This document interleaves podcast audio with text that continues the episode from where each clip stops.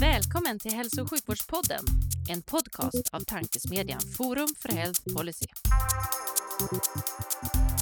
I den här podden möts frågor om hur vi kan få bättre hälsa med frågor om vilken politik som krävs. Det kommer bli samtal om personcentrering, ledarskap, digitalisering, organisation, politik och mycket mer.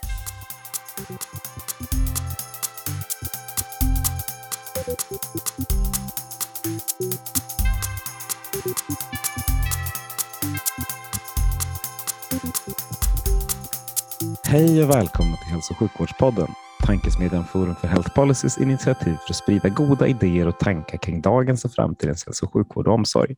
Jag heter Magnus Lejelöw och arbetar till vardags för Colivia, men även styrelseledamot i Forum för Health Policy, liksom policychef från Kry. Hej Livia!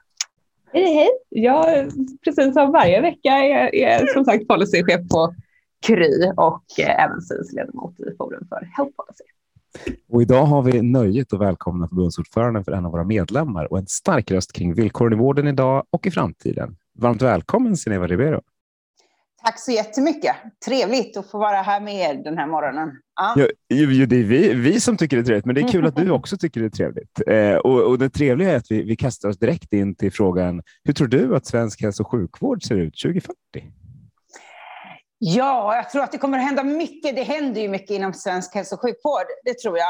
Eh, egentligen så tror jag att vi kommer att ha mycket mer IT-baserad hälso och sjukvård. Det tror jag. Vi kommer att använda oss av tekniken.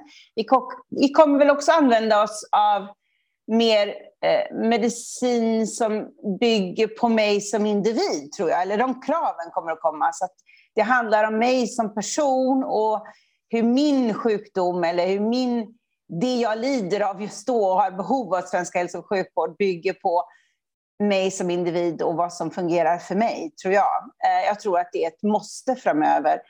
Jag tror också att vi inte kommer att ha 21 regioner och 290 kommuner. Vi är ett alldeles för litet hälso och sjukvårdssystem, tror jag, för att vara så uppdelat som det är just nu. Eh, jag tror inte att vi med kompetensförsörjning och de brister vi ser Eh, kommer att kunna ha specialistkliniker, högspecialiserad vård precis överallt, vilket finns en vilja att ha, det tror jag inte på. Utan vi kommer att behöva koncentrera vissa högspecialiserade vård. Sen tror jag den nära vården kommer att spela den yttersta rollen för att svensk hälso och sjukvård överhuvudtaget ska fungera. Eh, och det handlar om nära vård för mig är inte bara primärvård, utan det är faktiskt hemsjukvård. Det är att vi finns där de multisjuka äldre finns, men inte bara de. För vi ska veta att vi har ju en välutvecklad hälso och sjukvård trots en hel del problem. Och det handlar om att vi klarar av och man överlever med en sjukdom hela livet. Så de här överlevarna som kommer att leva med sin sjukdom hela livet kommer också ha behov av hälso och sjukvård under hela livet och vill inte anpassa sig, tror jag, till hur sjukvården är uppbyggd, utan vi kommer att ha den där sjukvården väldigt nära den individen. Det är i alla fall en förhoppning jag har. Så visst finns det lösningar. Hur många regioner och kommuner har vi 2040? Och jag vet faktiskt inte, men den senaste siffran jag hörde är ju att vi har 50 kommuner som inom en femårsperiod inte kommer att klara sin hälso och sjukvård. Och jag brukar säga till politiker då att ska vi bara sitta och vänta tills det där liksom kommer om fem år och så har de inte, inte resurser för det? Eller ska vi faktiskt göra någonting åt det? Eh, och därav tror jag att det är svårt. Det är svårt att upprätthålla det här systemet och att styra och leda vården så som vi gör just nu. Mm. Det är jättesvårt. Det är, så, så, fort vi lyfter den här frågan så kommer ju svaren, svaren är alltid olika. Det verkar inte finnas någon riktigt sådär, jätte, någon enkel lösning på det, men, men det är alltid kul att höra. Livia, nu hör du också på micken, så nu vill du också Ja, men precis. Det är ju ändå, ändå spännande det här att du eh, gör den spaningen för 2040, för det är ju många som ifrågasätter eh, sättet vi har delat upp vårt sjukvårdssystem eh, mm. Inte minst efter eh, eh, pandemin. pandemin här. Men eh, kanske inte lika många som tror att det faktiskt kommer bli så eller att det är möjligt. Är du optimistisk för att vi kommer eh, röra oss mot en reform eh, i det här avseendet? Jag tror att vi kommer att ha en annan styrning 2040. Ja, det tror jag. Jag tror att det är ett måste. Det handlar om både kompetensförsörjningsfrågan, det handlar om forskningsfrågan, det handlar om den här individuella hanteringen av individen som hälso och sjukvården kommer att göra. Det handlar också om utvecklingen av AI och IT-baserade lösningar för hälso och sjukvården. Men inte minst handlar det faktiskt om kompetensförsörjning. Vi kommer inte att kunna ha samma vård exakt överallt, utan jag brukar ta exemplet, jag har min hjärtsjuka dotter. Jag har en dotter som lever med ett halvt hjärta, är född med ett halvt hjärta hemma. Eh, för dem har vi två högspecialiserade kliniker i Sverige som hanterar de här barnen som gör faktiskt att hade hon fötts bara tio år innan så hade hon dött. Idag överlever hon med sitt halva hjärta för att man har koncentrerat den specialiteten till en specifik, ett specifikt sjukhus där man har det bästa teamet för att hantera de här. De är så bra som man kommer från Island och Färöarna för att opereras på de här klinikerna. Och, och att tro att att vi kommer att ha en kompetensförsörjning där vi kommer att kunna ha det här på 21 olika ställen. Nej, det tror jag inte. Utan vi kommer att behöva koncentrera viss hälso och sjukvård och därav eh, min, min lilla spaning då. Ehm, men jag tror att det är den stora utmaningen faktiskt. Hur ser vi till att kompetensförsörja med, med personal med rätt kompetens för att upprätthålla den höga hälso och sjukvård som vi faktiskt har. Så. Du mm. får ju vård när du väl är inne. Du får en väldigt god vård. När du väl är inne i systemet så får du en väldigt god vård. Det tar en lång tid att komma in i systemet och det är ett problem. Det tar också en lång tid att komma ur systemet. Alltså, när jag ligger där och har behov av rehabilitering eller eftervård så finns inte det heller, för det har vi dragit ner på i Sverige. Så att jag tänker att men när du väl är där så får du god hälso och sjukvård, eller väldigt, väldigt god hälso och sjukvård. Mm. Så en vård 2040 som är både mer koncentrerad eh, och mer lokal. Eh, det blir yes. spännande att se. Vad, Visst är det? Ja, verkligen. Och om vi då går vidare till, till eh, vår nästa fråga som tittar lite ut mot eh, resten av världen. Finns det saker som du skulle vilja sno från andra länders hälso och sjukvårdssystem för att förbättra den svenska vården i den här riktningen som du ser? Finns det andra som redan har börjat göra delar av det här väldigt bra?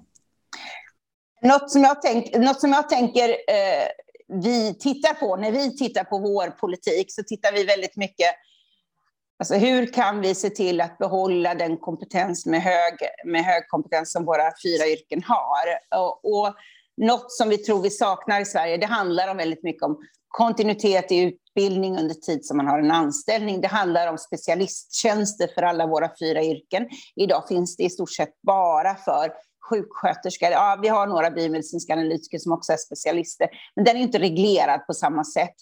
Eh, jag tror på avancerade specialistsjuksköterskor, det vill säga nurse practitioners. Där tittar vi och har kollegor både i USA, England, Australien, Kanada, där vi nu också svarar våra motionärer. Vi har, ju, vi har en kongress alldeles snart där man liksom efterfrågar de här delarna, där jag ser att där skulle vi absolut kunna lära av dem eh, kring hur, hur ser vi till att, att den här kompetensen som ändå finns hos våra eh, medlemmar eller mina kollegor används på bästa sätt.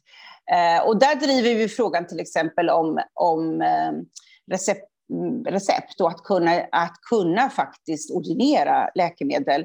Idag får våra, några av våra yrken göra det, framförallt sjuksköterskor och eh, Eh, barnmorskor. Men vi använder den inte fullt ut och trots att vi har en hög kompetens med utbildning så används den inte. Så att, ja, vi, vi, vi har kontakter utomlands där vi tittar på hur skulle det här kunna göra. Det som jag tycker är svårt är det här, just det du, du nämnde förut, förut, det var det här med, ja vi kommer att behöva en högspecialiserad vård och vi kommer att kunna eh, ha behov av Ehm, eh, våra universitetssjukhus som utvecklar, men också sjukhus på en lägre nivå där man utför det som är normalt att utföra inom kirurgi och ortopedi, men också medicin. Men sen kommer du också behöva eh, en primärvård som bygger på en mycket högre kompetensnivå än den vi har idag. Eh, och då blir det oftast i Sverige en stridighet mellan, ja men vad ska vi ta de där pengarna ifrån och hur ska vi få till den där personalen? Ja, och jag brukar säga att ja, det kommer att kosta lite i början, i implementeringen, så kommer du att behöva satsa på bägge delarna. Eh, men i längden kommer vi att tjäna på det och där finns det ju både Kanada, Holland har kommit ganska långt i de där delarna. Men, men jag tror att just nu så försöker alla länder i världen, det finns ju någon sån där efter kris, efter pandemi. Alltså vad har vi lärt oss och hur skulle vi kunna göra det här annorlunda om det kommer, kommer en pandemi inom en ganska snar framtid igen? Och hur kan världen använda varandras vård och, och sådär och ha lärdomar? Eh, det håller inte längre med Sverige att säga Ja, men Sineva, jag fick höra det här. Det är i Asien, vet du. Där är coviden. Den kommer ju inte hit. De har liksom inte förstått det här att det handlar inte om själva sjukdomen eller viruset, utan det handlar ju om att människor rör sig på ett annat sätt idag. Eh, och med människor så får vi in sjukdomar som vi inte har haft och kanske till och med utrotat. Spännande. Det är många perspektiv här. Vi kommer att återknyta mm. till dem där, men eh, vi håller oss ju gärna till vårt format. Och vårt mm. format mm. innebär att vi har en tredje fråga som jag tror du kommer att gilla. Eh, om du fick spökskriva valmanifesten inför valet 2022, vilka frågor skulle du lägga in då för att styra mot den hälso och sjukvård du skulle vilja se i Sverige? Det är ett rätt aktuellt ämne kan man säga. Eftersom vi det är ett jätteaktuellt ämne. och den, den, är, den, blir inte kort, det var väl det jag sa. Vi har ju ett valmanifest. Ja, det förstår jag. Och, och, och, det är bara kör, du får använda hur mycket tid du vill. Nej, men vi har ju ett valmanifest såklart, och där vi väldigt tydligt pratar om kompetensförsörjning som den största utmaningen. Eh, tillsammans med arbetsmiljö för våra yrken. Eh, man är ganska sliten där ute och jag tänker någonstans så handlar det om att jag tycker att det här valet är lite, det speglar lite det här, vad vill vi ha för välfärd i Sverige? Och hur ska vi se till, om vi vill ha en välfärd som är solidariskt finansierad, hur ska den se ut och vad är målet för den? Eh, på något sätt så pratar man emot sig, man säger varandra i partierna. Man säger att man vill att vi ska ha en sjukvård som är god och, och fungerar väl och den ska liksom både vara högspecialiserad och hög kompetens. Men den ska inte kosta så mycket och, och vi måste liksom, eh, se till att, att kompetensförsörja och styrningen är svår. Ja, ni vet alla de här eh, för och emot för oss är det så att ska vi ha, väljer man att ha en, en solidarisk finansierad hälso och sjukvård i Sverige så måste man fundera på hur man kompetensförsörjer, för bristen är så stor. Alltså den är så stor så att jag har gått ut med att jag tycker att, att politiker lokalt, och det är de som är ansvariga, politiker lokalt borde nu inför sommaren tala om vilken vård man inte ska utföra, eller vi kommer inte att kunna ge medborgaren den här vården. Ja, men stänger du en hel strokeavdelning och tar bort den kompetensen, ja men då ska man helst inte få en stroke under sommaren i just det området, för att det, det handlar om det handlar inte om att ambulansen kommer och hämtar och går via akuten, utan det handlar faktiskt om att jag behöver komma upp till en strokeavdelning så fort som möjligt för att få rätt behandling. Så att någonstans där så tycker jag att det är viktigt. Så att våra stora frågor, det handlar om arbetsmiljö, det handlar om att orka ett helt yrkesliv. Det handlar om att våra medlemsgrupper går ner i deltid för att orka. Och nu såg jag till och med den nya rapporten om pensionen där 15 procent av våra medlemmar säger att de inte kommer att orka till pensionsåldern ska vi ha en välfärd så är det viktigt. Vi vill ju sätta hälso och sjukvården på agendan i valet. Eh, samtidigt som vi lika som alla andra väldigt medvetna om att det är inte staten som har det ansvaret idag, utan det är våra regioner eh, och kommunpolitiker som har det ansvaret. 25-30 procent av hälso och sjukvården bedrivs i kommunen. Men samtidigt så tror jag att den här pandemin och den här krisen vi går ur visar lite på att staten kommer att behöva ta ett större ansvar kring vissa frågor. Så de där kraven vi har handlar väldigt mycket om det. Se till att faktiskt göra någonting åt det som vi nu har utrett efter den här pandemin och som visar på brister utifrån att vi har den styrning vi har i Sverige. Hälso och sjukvården är eh, befolkningens viktigaste fråga. Den är till och med TCO-förbundets viktigaste fråga, där jag, där jag finns som centralorganisation. organisation. Eh, så det handlar mycket om kompetensförsörjning, arbetsmiljö, att orka ett helt yrkesliv för våra medlemmar. Så där lägger vi vårt fokus när det gäller valmanifestet. Eh, och det handlar ju om villkor, såklart det gör. Alltså det handlar om förutsättningar, att jag som legitimerad profession ska kunna utföra min kunskap för medborgarens hälsa på bästa sätt, men också orka. Men också orka verkligen Eh, ha ett socialt liv, ha en familj, vara ensamstående mamma med tre barn eh, och ändå finnas i den verksamheten. Eh, vi ser försämringar. Jag vill verkligen säga det. Jag har ändå varit sjuksköterska i snart 34 år. Jag ser försämringar i villkoren. Eh, vi jobbar mycket mer obekväm tid per vecka. Det är mycket mer nätter, kvällar, helger. Men jag tycker också att arbetsgivarna har försatt sig i den situationen. Vad är det man lägger pengar på för att kompetensförsörja idag? Jo, men det är på bonusar för extra pass. Det är på bonusar för om du tar fler obekväm tid. Det är för bonusar om du, om du jobbar mer. Så någonstans så har vi fått ett moment 22 som gör att till slut orkar man ju inte och vi säger nej. Vi får säga nej till väldigt många ensamstående mammor och då vet vi också att 90 procent av våra medlemsgrupper är kvinnor.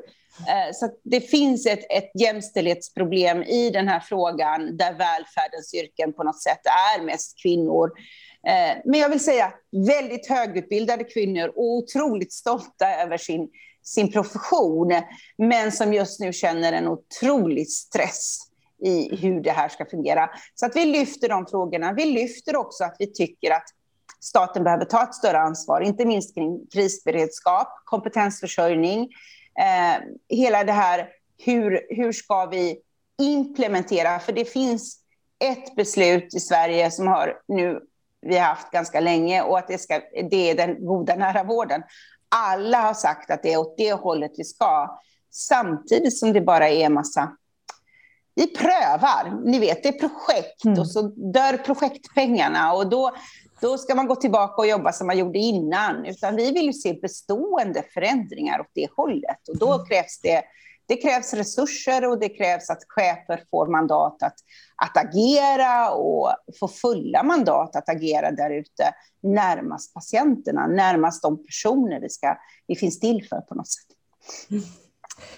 Apropå det här med, med kompetensförsörjning och arbetsmiljö, några av, av, mina absolut närmsta vänner är eh, just sjuksköterskor och det är väldigt tydligt att arbetsmiljön mm. ofta brister.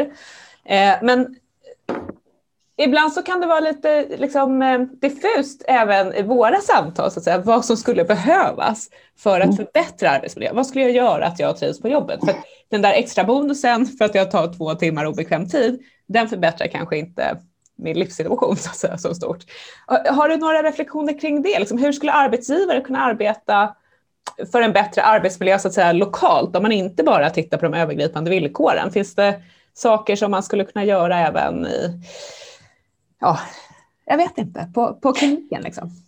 Det tror jag, jag tror ju inte att det finns en universallösning, det tror jag mm. inte, utan det är många små effekter som behöver göras. Ja, jag tror att det finns saker som enskilda chefer på en arbetsplats kan göra om de bara får mandatet och resurserna till det. Det tror jag. Absolut tror jag det. Jag tror att arbetsgivaren gör fel i att lägga de här bonusarna kortsiktigt. Alltså, eh, du behöver kompetensförsörja. Vi behöver ha fler som vill vara kvar i den regionala, i den eh, kommunala hälso och sjukvården om vi ska klara vår specialistsjukvård, inte minst, men också äldrevården i Sverige.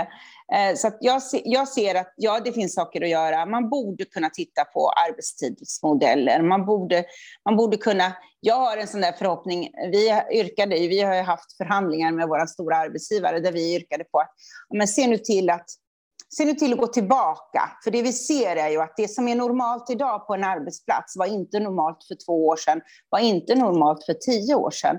Man har inte följt de skyddslagstiftningar vi har. Det, vi, det vet vi. Man har brutit mot dem kontinuerligt.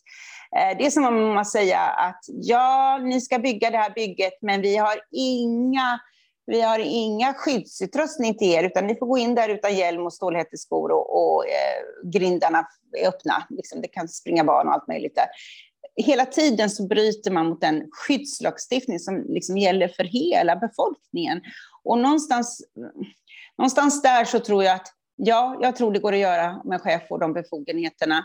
Jobba med kompetensutveckling på arbetsplatsen. Se till att ge Eh, möjligheter för utveckling, för det tror jag är en stor del. Jag tror man måste gå tillbaka till grundschema. Jag tror att du måste gå tillbaka som chef och säga så här, nu tar jag som chef ansvar för arbetstiderna på den här arbetsplatsen. Det innebär att ni inte kan jobba precis när ni vill och vara lediga precis när ni vill.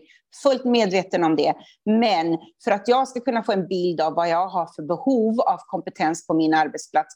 För en ny sjuksköterska gör inte samma sak som en äldre sjuksköterska som kanske har varit här i 20 år, så behöver jag ha koll på hur många saknar jag, hur många behöver jag, hur kan jag jobba med den kompetensförsörjningen. Idag så ligger det liksom Varje sjuksköterska idag lägger två veckors arbetstid per år på att lägga schema. Alltså det blir ju jättekonstigt för mig när vi egentligen borde kunna vårda då och vara nära patienten.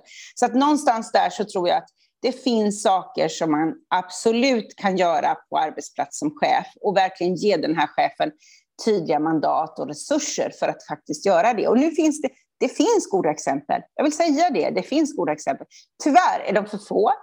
Och tyvärr så har vi inget system i Sverige för att implementera goda exempel. För det funkar på den kliniken där, Silva, vet du. Men här hos oss så måste vi pröva själva. Och så kan man svara så här, ja, men du vet, det, är ett, det är en forskningsrapport. Den är inte bara gjord på den kliniken, utan den, den är testad ganska, på väldigt många ställen innan.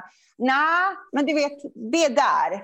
Och det, och det där tror jag också är något vi saknar i Sverige. Hur, hur, varför har vi ingen myndighet som har sånt där implementering av forskning och beprövad erfarenhet.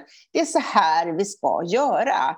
Vi har en kunskapsstyrning som ligger på regionnivå. Eh, den ligger inom SKRs häradd, vilket jag också tycker är konstigt.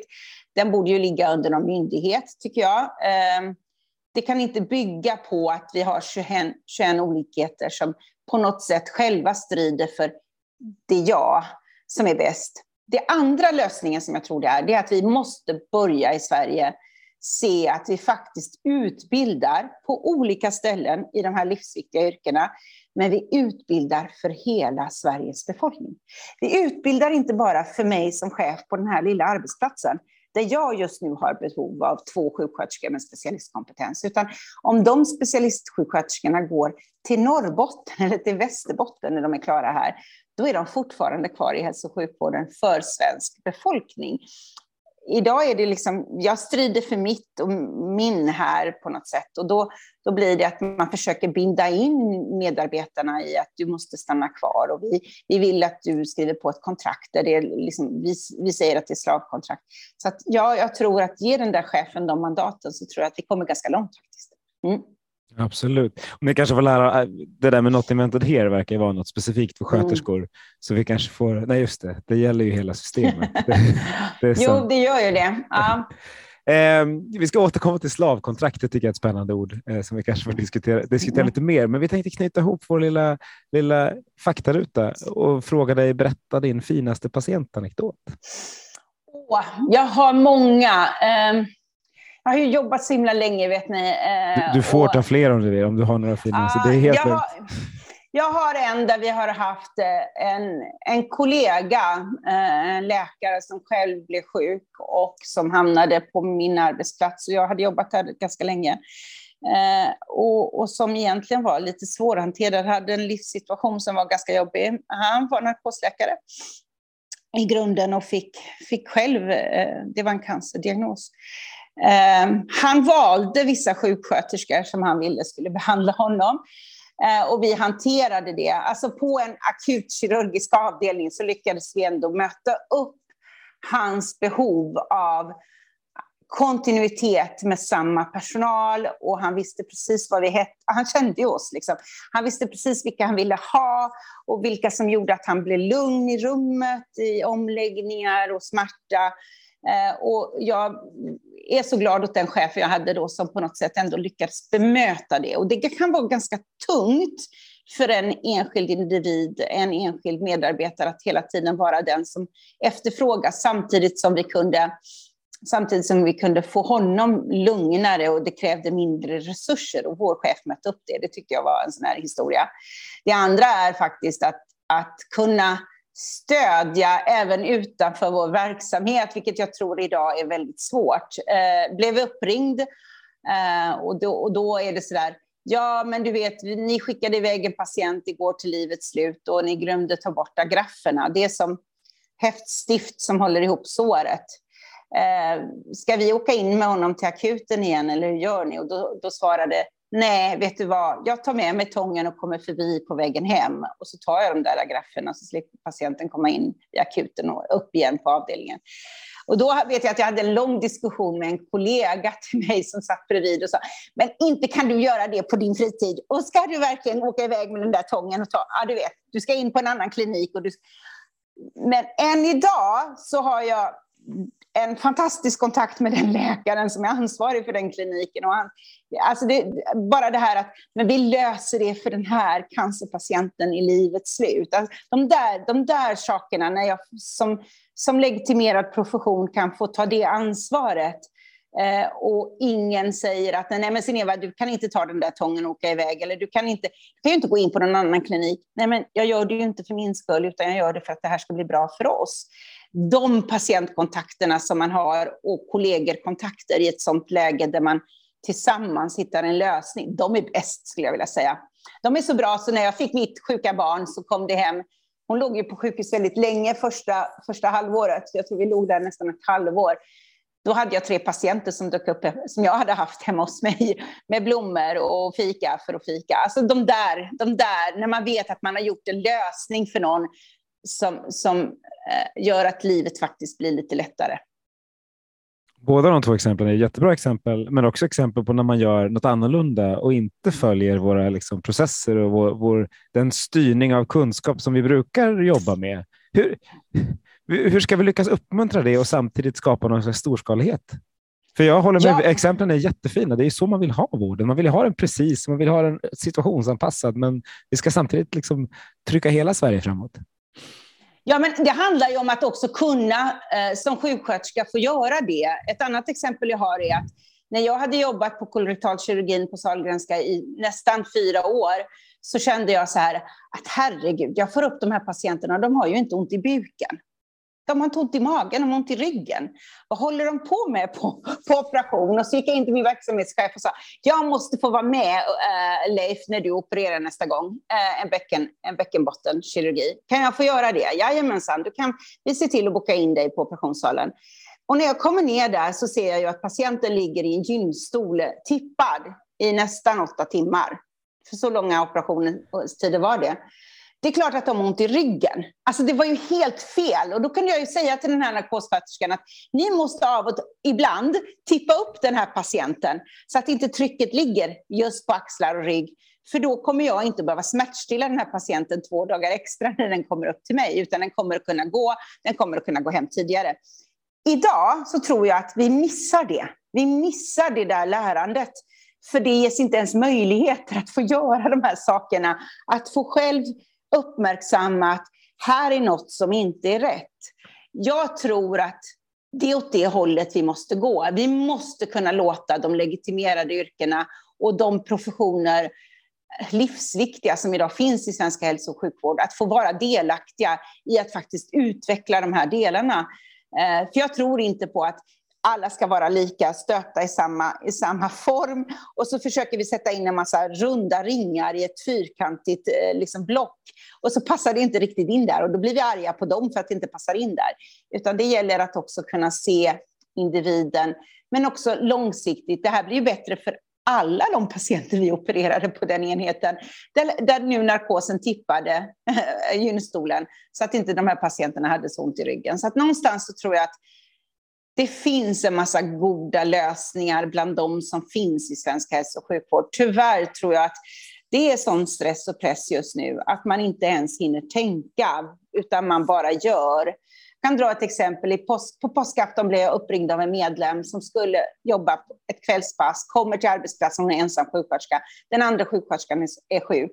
Och då ringer hennes chef och så säger hon, du måste delegera, du måste se till att andra grupper gör det du skulle ha gjort. Och då säger hon så här till mig, det enda jag har kvar att delegera, Sineva, är mina medicinskåpsnycklar som sjuksköterska.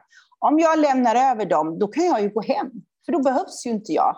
Så det blir så paradoxalt att man till slut inte riktigt ser, ja, men då behövs ju inte min kunskap om jag hela tiden får lämna över. Där tror jag arbetsgivaren förlorar en hel del av våra som idag väljer bort eh, den hälso och sjukvård som de så mycket, vi skulle behöva dem där liksom. Mm. Håller fullt ut med. Eh, jag är apotekare, så då, då, vet man också hur mm. det blir av med sina, sina förmåner. Nej men, nej, men det handlar ju mer om att, att eh, inte se den kompetensen som den sjuksköterskan har för vården på arbetsplatsen, utan det, då delar man upp, och det är jag lite orolig för när det gäller personcentrerad vård och hur vi nu istället för att eh, gå ur ifrån diagnos och hus istället delar upp individen i en massa arbetsuppgifter. Alltså, den här personen har behov av dig och då ska du vara där tio minuter och så ska du göra det här. Sen kommer nästa person så gör den det här. Istället för att faktiskt se hela individen göra allt när man ändå är där. För mig blir det väldigt knepigt. Mm. Du, du nämnde att 2040 har vi förmodligen mer IT-driven vård och AI-driven vård. Och det, det är ju som gjort för att fånga upp de här bra exemplen och, och hitta de där, liksom, det du hittade manuellt om, om mm. eh, att man, man ligger fel för att få ont i ryggen och så. Mm. hur, hur, tänk, hur, tror du att ni, vi kan få hjälp av det? För du nämner samtidigt att det är viktigt att vi har kvar professionen som är nära och så där.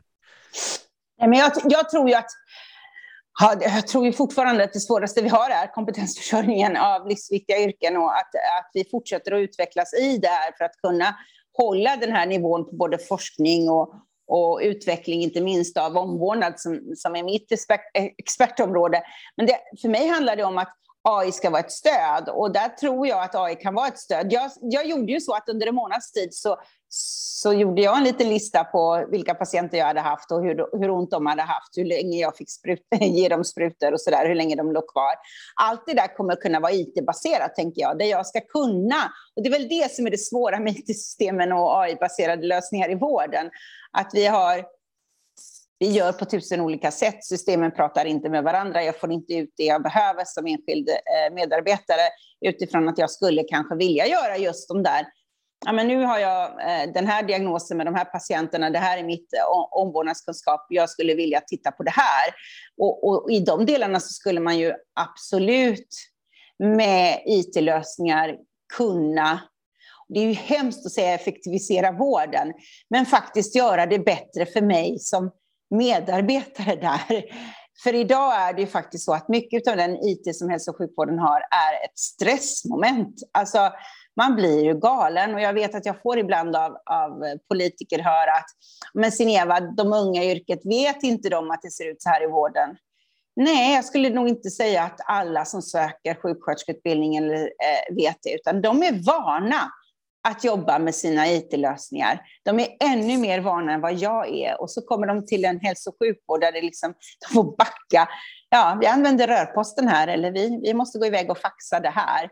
Alltså, det är, o, det är helt obegripligt, tycker de, att jag inte kan få göra som jag brukar i mitt vanliga liv, våra unga yrket. Och de här millennium, millenniumungdomarna som vi alla pratade om tio år innan 2000, att de var på väg in och de kommer att ställa krav. De är här nu, de ställer de där kraven och vi kan inte möta upp deras, deras kompetens. Nej, jag tror ju att AI Eh, det bör gå in i utbildningarna mycket mer än vad det gör idag. Eh, på alla våra legitimerade yrken. Vi kommer att ha ett behov av att se till att få in den den kunskapen i de legitimerade yrkena, det tror jag. Och där har vi ställt krav. Vi sitter ju i en utredning med Agneta Karlsson om sjuksköterskans utbildning och barnmorskans utbildning just nu, där vi har lyft in just det.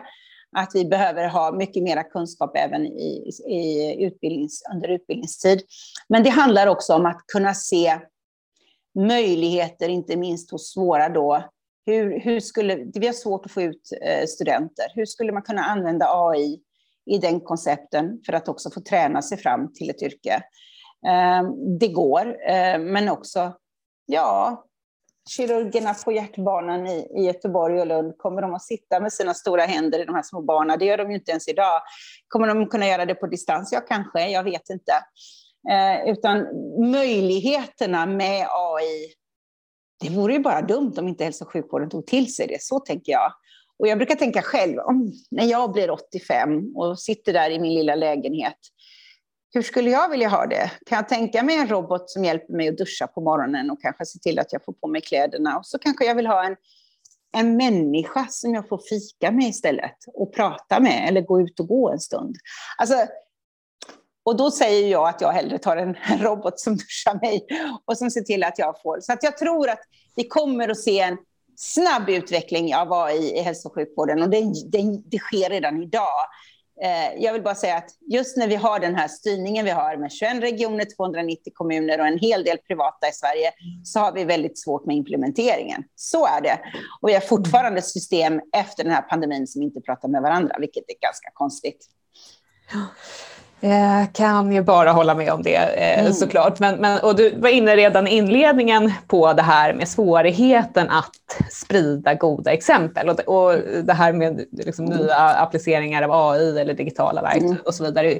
Ett exempel på där kanske en region ligger i framkant och är jätteduktig på det på ett visst sjukhus eller en viss vårdcentral men har väldigt svårt att få ut det i, i resten av landet. Vad tror du skulle behövas för att liksom, för att vi ska bli bättre på det här med att sprida goda exempel? Jag tror att det inte finns någon riktigt...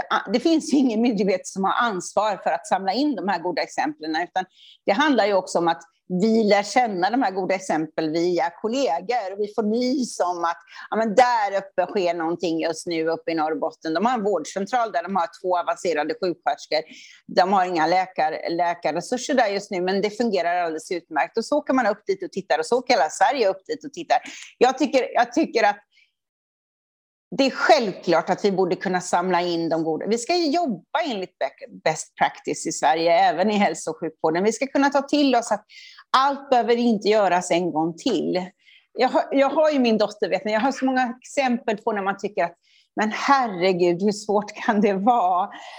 Hon ska åka och ta ett, ett hon äter varan, hon har fått en, en stroke och en hjärnabscess, hon äter varan för sitt hjärtfel och så ska hon eh, i början varje vecka åka till det där stora universitetssjukhuset mellan 8 och 15 och ta ett blodprov som hon sen ska få ett svar på för och veta hur mycket varantabletter eh, hon ska ta, blodförtunnande tabletter. Och då går hon i skolan såklart, det är ju det hon gör, hinner inte till den där mottagningen för hon hamnar i köer eh, i bilen, ringer mig förtvivlad för hon måste ju ha hon måste ju ha en ordination.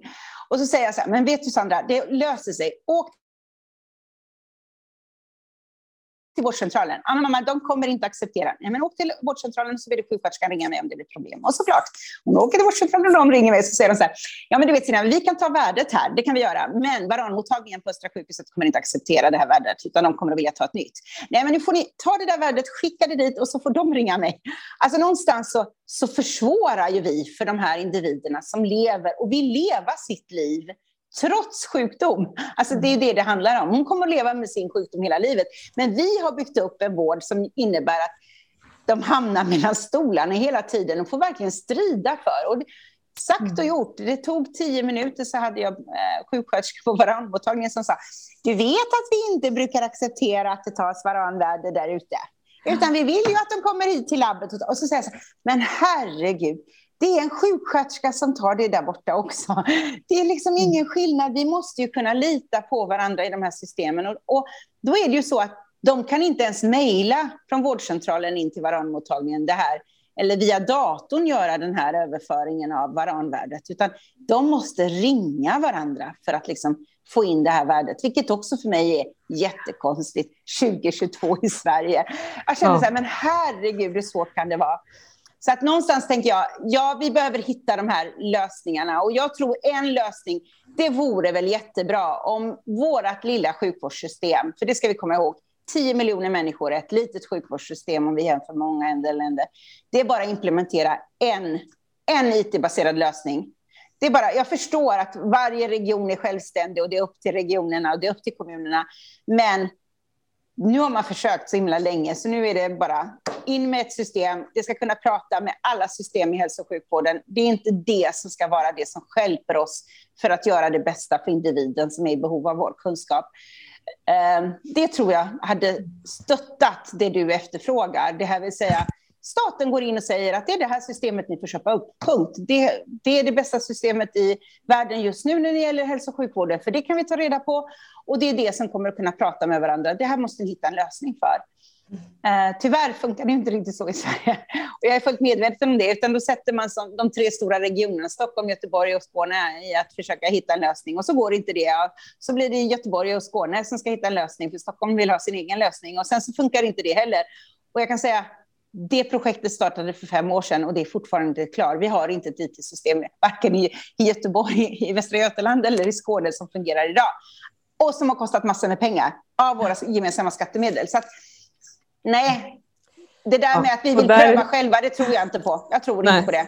Och det är verkligen inte tekniken som så att säga sätter käpparna i hjulet, utan dela data mellan system, det går ju, det gör man i alla andra branscher. Så tekniskt så går det, utan det är annat eh, grus i maskineriet här. Och det är verkligen inte alla som har eh, de resurserna och den kompetensen som du har för att hjälpa din dotter i Nej. den här situationen. Och ändå så bygger mycket av den här eh, transformationen då till god och nära vård som vi pratar varmt om och det som du också var inne på i, i framtidens vård här, mer lokal vård men där delar är mer högspecialiserade. Det kräver ju att vi lyckas med just det exemplet som du gav här, mm. att vi kan mm. anpassa oss till individen och det kanske passar bättre att ta delar av eh, prover för, ja, för, för till exempel det här eh, på lokala vårdcentralen istället för sjukhuset, men sjukhuset ska återkomma med resultaten. Hur, liksom, hur får vi till det? För det är en kulturfråga också.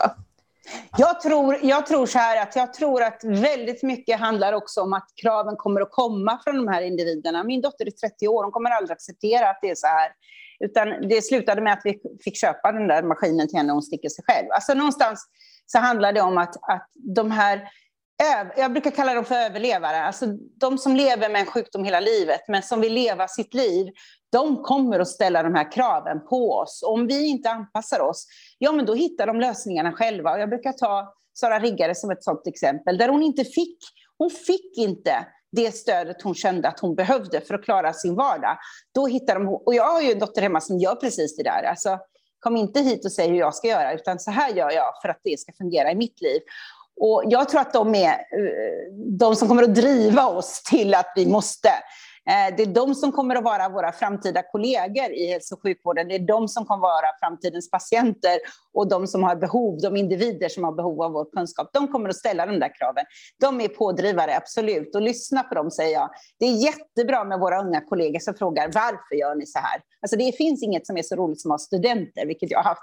Men Signeva, varför gör ni så här? Ja, du, vad bra att du ställer den här frågan. Alltså, vi behöver de som också driver på, tror jag. Men som, som facklig organisation och ordförande för ett, de största fackförbunden i hälso och sjukvården så tror jag också att vi börjar, måste också börja fundera på vad kan vi göra? Och jag har, jag har en fråga som jag tror vi skulle kunna hjälpa till och det handlar om vårt samverkansavtal som vi har med eh, Sveriges kommuner och regioner. Det handlar om att jag finns i den här kliniken och i den här kliniken jag är anställd. Det är den här kliniken jag påverkar. Jag tror inte på det i längden, utan jag tror att vi kommer att ha samverkansavtal som går över hela spannet av svensk hälso och sjukvård. Jag kommer att vara specialistsjuksköterska och finnas kanske på en klinik i ett universitetssjukhus, men kommer också ha en viss del av min anställning i den här kommunen, i en nära vård, kanske på en vårdcentral, vad vet jag, men också kanske i hemsjukvården.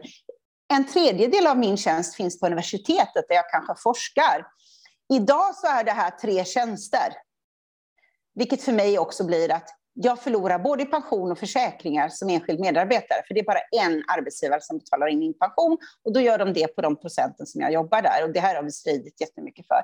Men jag tror ju att vi också som fackliga organisationer kommer behöva ja, skriva om det här samverkansavtalet som liksom hjälper till att våra medlemmar som också vill det finns i hela den här kedjan och ska kunna göra, för det gör också att vi kommer att orka ett helt yrkesliv. Om jag inte hela tiden jag tycker inte om ordet att du ska alltid jobba på toppen av din kompetens. För jag brukar säga att du orkar inte jobba hela tiden 100% eller 150% av din kompetens varje dag. Det går inte, utan du måste ha toppar och dalar. Men att också kunna göra olika saker i hälso och sjukvården med den kompetensen du har, utan att behöva skriva ett nytt anställningsavtal och ett ny, en ny liksom arbetsgivare som har helt andra regelverk och helt andra avtal. Och så har du en tredje som är staten då, om du jobbar på ett universitet, där det också finns ett anställningsavtal och ett helt annat regelverk. Utan jag tror att vi kommer att behöva se, vi kommer att behöva som fackliga organisationer fundera på om våra våra kollegor och vi ska kunna finnas i den här verksamheten och utveckla den åt det hållet som behovet finns, så kommer vi som fackförbundet behöva... Vi kan liksom ska säga det. Vi kan också driva, vara pådrivarna till att det här händer, för vi kan se att redan idag så sker den nära vården i ett stuprör för sig. Den, den sker, och det är det som jag tycker är så spännande med just nära vård, för det exemplet är så tydligt det är ingen kommun som bär hela ansvaret, det är ingen region som bär hela ansvaret, utan det är ett projekt där man lägger projektpengar och så bygger det på ett engagemang hos de här individerna. Och då samlas kanske någon från regionen, någon från kommunen, det kan till och med vara någon från hemsjukvården och social omsorg som tillsammans liksom utvecklar det här projektet. Det är bara det att det är inte där det beslutas om det här projektet ska vara beständigt, utan då ska det tillbaka i ett, sam, i ett, i ett ledningsstruktur som ser helt annorlunda ut. Och där saknar man personal, så vad prioriterar man? Inte är det det projektet, utan då prioriterar man någonting annat för de pengarna den gången man måste göra det. Jag tror att där kommer vi som fackliga organisationer att få liksom, driva på att våra medlemmar vill faktiskt finnas i hela kedjan. De vill kunna göra flera saker av sin kompetens och utveckla den i flera verksamheter, vilket kommer att innebära att man måste titta över hur vi skriver våra avtal och kan vi vara pådrivare i det så tycker jag att vi ska vara det. Det är ju ett samverkansavtal som gäller all personal inom hälso och sjukvård, samverkansavtalet. Men jag tror att vi kommer inte kunna liksom fatta beslut i de här stuprören eller vara, ha medarbetarinflytande i de här stuprören, utan vi måste kunna gå över. Och då behöver vi någonting annat än det vi har idag. När jag sa det sist på SKR så säger de så här, vi har precis skrivit om det 2017. Ja, så jag 2017, det är fem år sedan, det har hänt massor i svensk hälso och sjukvård på fem år. Det kanske är dags att skriva om det. Så det tror jag på. Och där, där kan vi vara lite pådrivare, för det innebär ju också att vi kan, vi kan se över de villkoren och det som våra, mina kollegor och jag behöver för att faktiskt vara på, på att på allra bästa sätt använda vår kompetens för befolkningens hälsa. Så där tänker jag att där måste vi driva på, det tror jag. Det låter bra. Ett ämne som lyfts ganska ofta i den här podden är kompetensförsörjningen och utmaningen med den framöver. Men idag har vi slagit nytt rekord. Jag tror du har nämnt kompetensförsörjning 32 gånger och sånt där hittills i podden. Och det är nog inget konstigt, för det ligger dig rätt varmt om hjärtat. Mm. Eh, igår läste jag en debattartikel som du tillsammans med sex andra fackliga förbundsordförande, eller fem andra om man ska vara ärlig, eftersom det blir mm. sex totalt, eh, skrev. Det lät som ni har löst det hela nu. Har ni, har ni, har ni löst den här utmaningen? Tänk om det vore så väl. Ehm, ja, vi, jag har under hela min mandatperiod försökt att verkligen få till det. Jag tror ju att det är tillsammans vi kommer att hitta de här lösningarna. Det är tillsammans också vi kommer att, i de här teamen. Och då bilda, har vi precis startat bildningen av facken i välfärden. Ehm, det handlar också om att vi ser att när Sverige ska spara resurser, eh, och då är det både människoresurser men också ekonomi, så är det oftast välfärdens, välfärden som får liksom stå upp eh, för det. Eh, och, och där vi tänker att det handlar verkligen om att tillsammans är vi starka. Vi är 1,2 miljoner medarbetare i Sverige. Vi upprätthåller den verksamhet som under pandemin faktiskt inte kunde stänga, skulle jag säga. Som inte kunde jobba hemifrån och som gjorde att ett samhälle faktiskt fungerar i en kris, i, i ett, ett krigstillstånd, för vi gick ju från en kris till en annan, eh, där, där eh, det är viktigt. Och jag har försökt en ganska lång tid att samla oss, det har inte varit enkelt vet ni. Vi har våra egna kollektivavtal och vi finns i lite olika verksamheter. Men eh, nu har vi startat ett projekt där vi har just nu nio punkter där vi startar med arbetsmiljö och kompetensförsörjning som första punkten och det var det vi drev i artikeln att nu vill vi sätta oss med de här arbetsgivarna och vi behöver tänka långsiktigt. Jag brukar säga till arbetsgivare att det de gör idag med sina kortsiktiga lösningar, för jag ska säga att det sprutas in ganska mycket pengar i, det här, i de här frågorna som, som handlar om kompetensförsörjning eller villkoren. Men det man gör är att man gräver den här gropen djupare precis där man står. Hela tiden så är den djupare. Till slut faller du i och du kommer inte upp ur den. Utan hur, hur kan man långsiktigt använda de resurser vi har och då också de pengarna som finns för att långsiktigt fundera, precis som den frågan ni ställde till mig när, ni, när vi började här. Hur ser vården ut 2040? Eh, och vi behöver inte gå så långt, vi kan, vi kan gå lite närmare. 2030, det är sju, år, sju, åtta år dit. Alltså, vad tror vi att hälso och sjukvården finns då? Och hur ska vi kompetensförsörja för den hälso och sjukvården? Eh, och i det här fallet för välfärden. Vill vi ha välfärd i Sverige? Alltså jag tror att egentligen att den, de flesta i befolkningen tror att vi har det. Det är det vi vill ha. Man förväntar sig att när man blir sjuk eller eh, när barnen ska börja skolan, att det finns en plats där. Eh, när mina föräldrar blir sjuka och gamla så finns sociala omsorgen där. Så ser det inte riktigt ut idag. Och, och vi kände så här att eh, det som har varit normerande för Sverige är ju industrin. Och, och där vill vi sätta en annan normering. Vi tror att det behövs just nu. Eh, det är avgörande för framtiden eh, och det svenska samhället om, om vi, får till, vi får till en god och säker välfärd. Så är det. Och då var det viktigt. Och jag, jag är jättenöjd att vi äntligen... Alltså det har varit svårt att samla oss också, för det är så olika verksamheter. Men jag vill ändå säga att det är fantastiskt att vi har suttit ner, vi har tagit oss framåt och vi sätter frågor på agendan eh, och ifrågasätter framför allt den politiska styrningen, för det är det vi har i Sverige som styr våra verksamheter. Verkligen. Du har eh, varit inne några gånger på det här med eh, så att säga, förväntningar på hur vården fungerar och vad som kan hända om de inte möts, bland annat då med, mm. med din dotter. Att eh, liksom, nya generationer patienter som kommer kanske vänder sig utanför den ordinarie vården i så fall för att hitta de lösningar som de vill ha om inte hänger. Samtidigt så har vi en väldigt stark eh, kultur i Sverige om att vården ska vara för alla och den ska vara jämlik och den ska vara solidariskt finansierad. Eh, hur går det här ihop tror du? Liksom, finns det en risk att om vi inte så att säga, hänger med och ställer om i vården att, att vi ser en annan utveckling om, om allt fler patienter vänder sig utanför den, den ordinarie hälso och sjukvården för att hitta de här lösningarna? Absolut, så är det ju. Men det är ju liksom svårt. Min dotter kommer aldrig få en sjukförsäkring någonsin. Hon är född med ett hjärtfel. Det finns inte på kartan att hon får det. Så skulle vi bygga, skulle vi bygga på sjukförsäkringar i Sverige och gå åt det hållet som många andra länder, och inte minst i västvärlden, har gjort, eh, eller delar har gjort, eh, så tror jag att vi också skulle utesluta hälso och sjukvård för en stor mängd av befolkningen. För det är ju så att du lever idag med en sjukdom hela ditt liv du får ingen försäkring. Jag har kämpat för detta ska jag säga. Eh, för jag tycker att, och du får ingen försäkring för något. Alltså det som jag säger. Eh, men hon bryter ju ett ben. Hon kan ju bryta ett ben precis som vilken annan medborgare som helst. Nej, men det går inte. För att hon är hjärtsjuk och har en grundsjukdom. Eller det räcker att du har astma så får du inte det. Eller diabetes som är en sjukdom som vi verkligen lever med hela livet och egentligen inte ger några andra men om den är välskött. Nej, men det handlar ju om Ja, jag tror att de kommer att driva på. Men det jag har sett, måste jag säga, vi delar ju ut vårdpriset eh, varje år i Vårdförbundet, där vi delar eh, ut ett pris.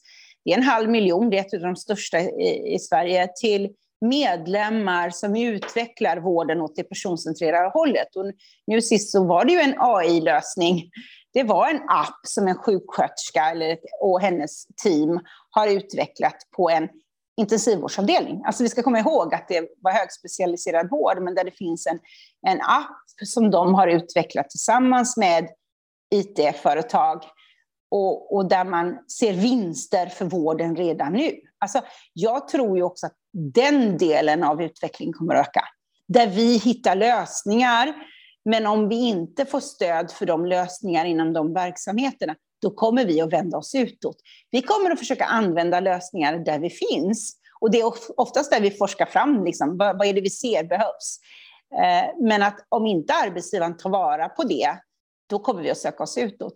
Men jag tror det finns en risk om vi börjar säga att de multisjuka äldre och våra överlevare som lever med sjukdom hela livet, de måste hitta en annan väg in i vården.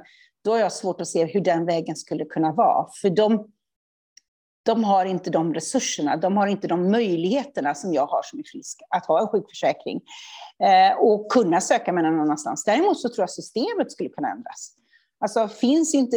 Alltså, jag började jobba och pendla till Stockholm för tio år sedan. Jag har psoriasis. Eh, jag behöver sola med jämna mellanrum på en psoriasismottagning. Det tog mig två år att få godkänt av Västra Götaland att kunna sola i Stockholm. Det här är tio år sedan. Ehm, jag visste inte ens vart jag skulle vända mig. Och då, då kan, precis som du säger, jag har ändå resurserna. Men det var så där, jag ringer, ringer min, min mottagning i Göteborg i Majerna och frågar liksom, hur, vart gör jag, hur gör jag nu? Jag behöver ju sola, jag är ju där måndag till fredag, ni har inte öppet på helgen. Hur ska jag få till det här så att det funkar för mig? Um, du ska ringa regionen, och så ringer man regionen och så, nej men det är fel person, du måste ringa, ja, ni vet. Det tog liksom två år innan jag hade fått okej okay av Västra Götaland att faktiskt sola i Stockholm och de betalar. Och då tänker jag så här, det blir, så kan vi inte ha det. Hur många människor pendlar inte i det här landet? Och när jag lyfter sånt här på riksdagen så säger ju flera politiker, men det har jag hänt mig också. Ja, men det är ju ni som kan göra någonting åt detta, säger jag då. Alltså någonstans där så, så har vi fortfarande de här ja, landsgränserna som blir begränsningar för den enskilda individen som faktiskt inte ens kanske jobbar där du är folkbokförd. Utan, och nu har jag pendlat i tio år. Nu, visst, jag får min behandling i Stockholm. Men det är fortfarande så där, det, det ska inte behöva ske på det sättet. Utan vi är väl ett och samma land och det ska fortfarande fungera. Men det fungerar ju inte för att här uppe i Stockholm kunde de ju inte få upp min journal och att jag hade psoriasis sedan jag var 16 år och att jag gick på behandling och att det var den här behandlingen jag hade. Den går ju inte att få upp här, utan Ja, ja, jag tycker de här delarna, alltså de här, de här stängslen vi har byggt i svensk hälso och sjukvård utifrån att vi är 21 regioner, 290 kommuner, de där måste vi börja riva, för så här kommer ju inte arbetslivet att se ut framöver. Så här kommer vi inte, alltså den nya generationen, det finns inget bättre än den nya generationen kollegor. Alltså sjuksköterskor, studenter är det bästa jag vet att möta. De har helt andra, de har en helt annan syn på vad det innebär att vara en profession med en kunskap som man äger, för den äger man ju själv, men oftast har man betalat för den själv, eh, som har ett stort samhällsuppdrag. De kommer liksom inte acceptera att men om jag vill byta arbetsgivare imorgon så vill jag väl byta arbetsgivare. Det är väl min, min det kan väl jag göra. Det finns ingen inlåsning och man har inte behovet som jag att, att då skulle man, när jag gick ut i Göteborg, då skulle man jobba på Sahlgrenska universitetssjukhuset på akutsjukvård och man skulle skaffa sig kunskap. Nej, alltså det, det, är en helt ny generation kollegor som jag kan vara rätt stolt över, för de sätter verkligen ett värde på sin kompetens som inte jag gjorde då. Uh, och de har en akademisk utbildning, de har en kunskap som inte jag hade när jag gick ut. De har inte handlaget kanske och de har inte mött så många patienter som jag har gjort eller individer i behov. Men den delen, den måste, den måste arbetsgivaren ta ansvar för. Man är ju inte färdig bara för att man har fått en legitimation, utan det handlar ju om en kompetensutveckling under hela arbetslivet. Och den, den, det ansvaret tycker jag ibland att man lämnar ja, man lämnar den åt sidan. Liksom. Det där får vi lösa då. Jag brukar säga som patient, brukar jag, när min dotter åker ut in ibland, så brukar jag fråga, ja, hur länge har den som har jobbat här längst varit på den här avdelningen? Säger de ett till tre år, då blir jag lite orolig, kan jag säga direkt.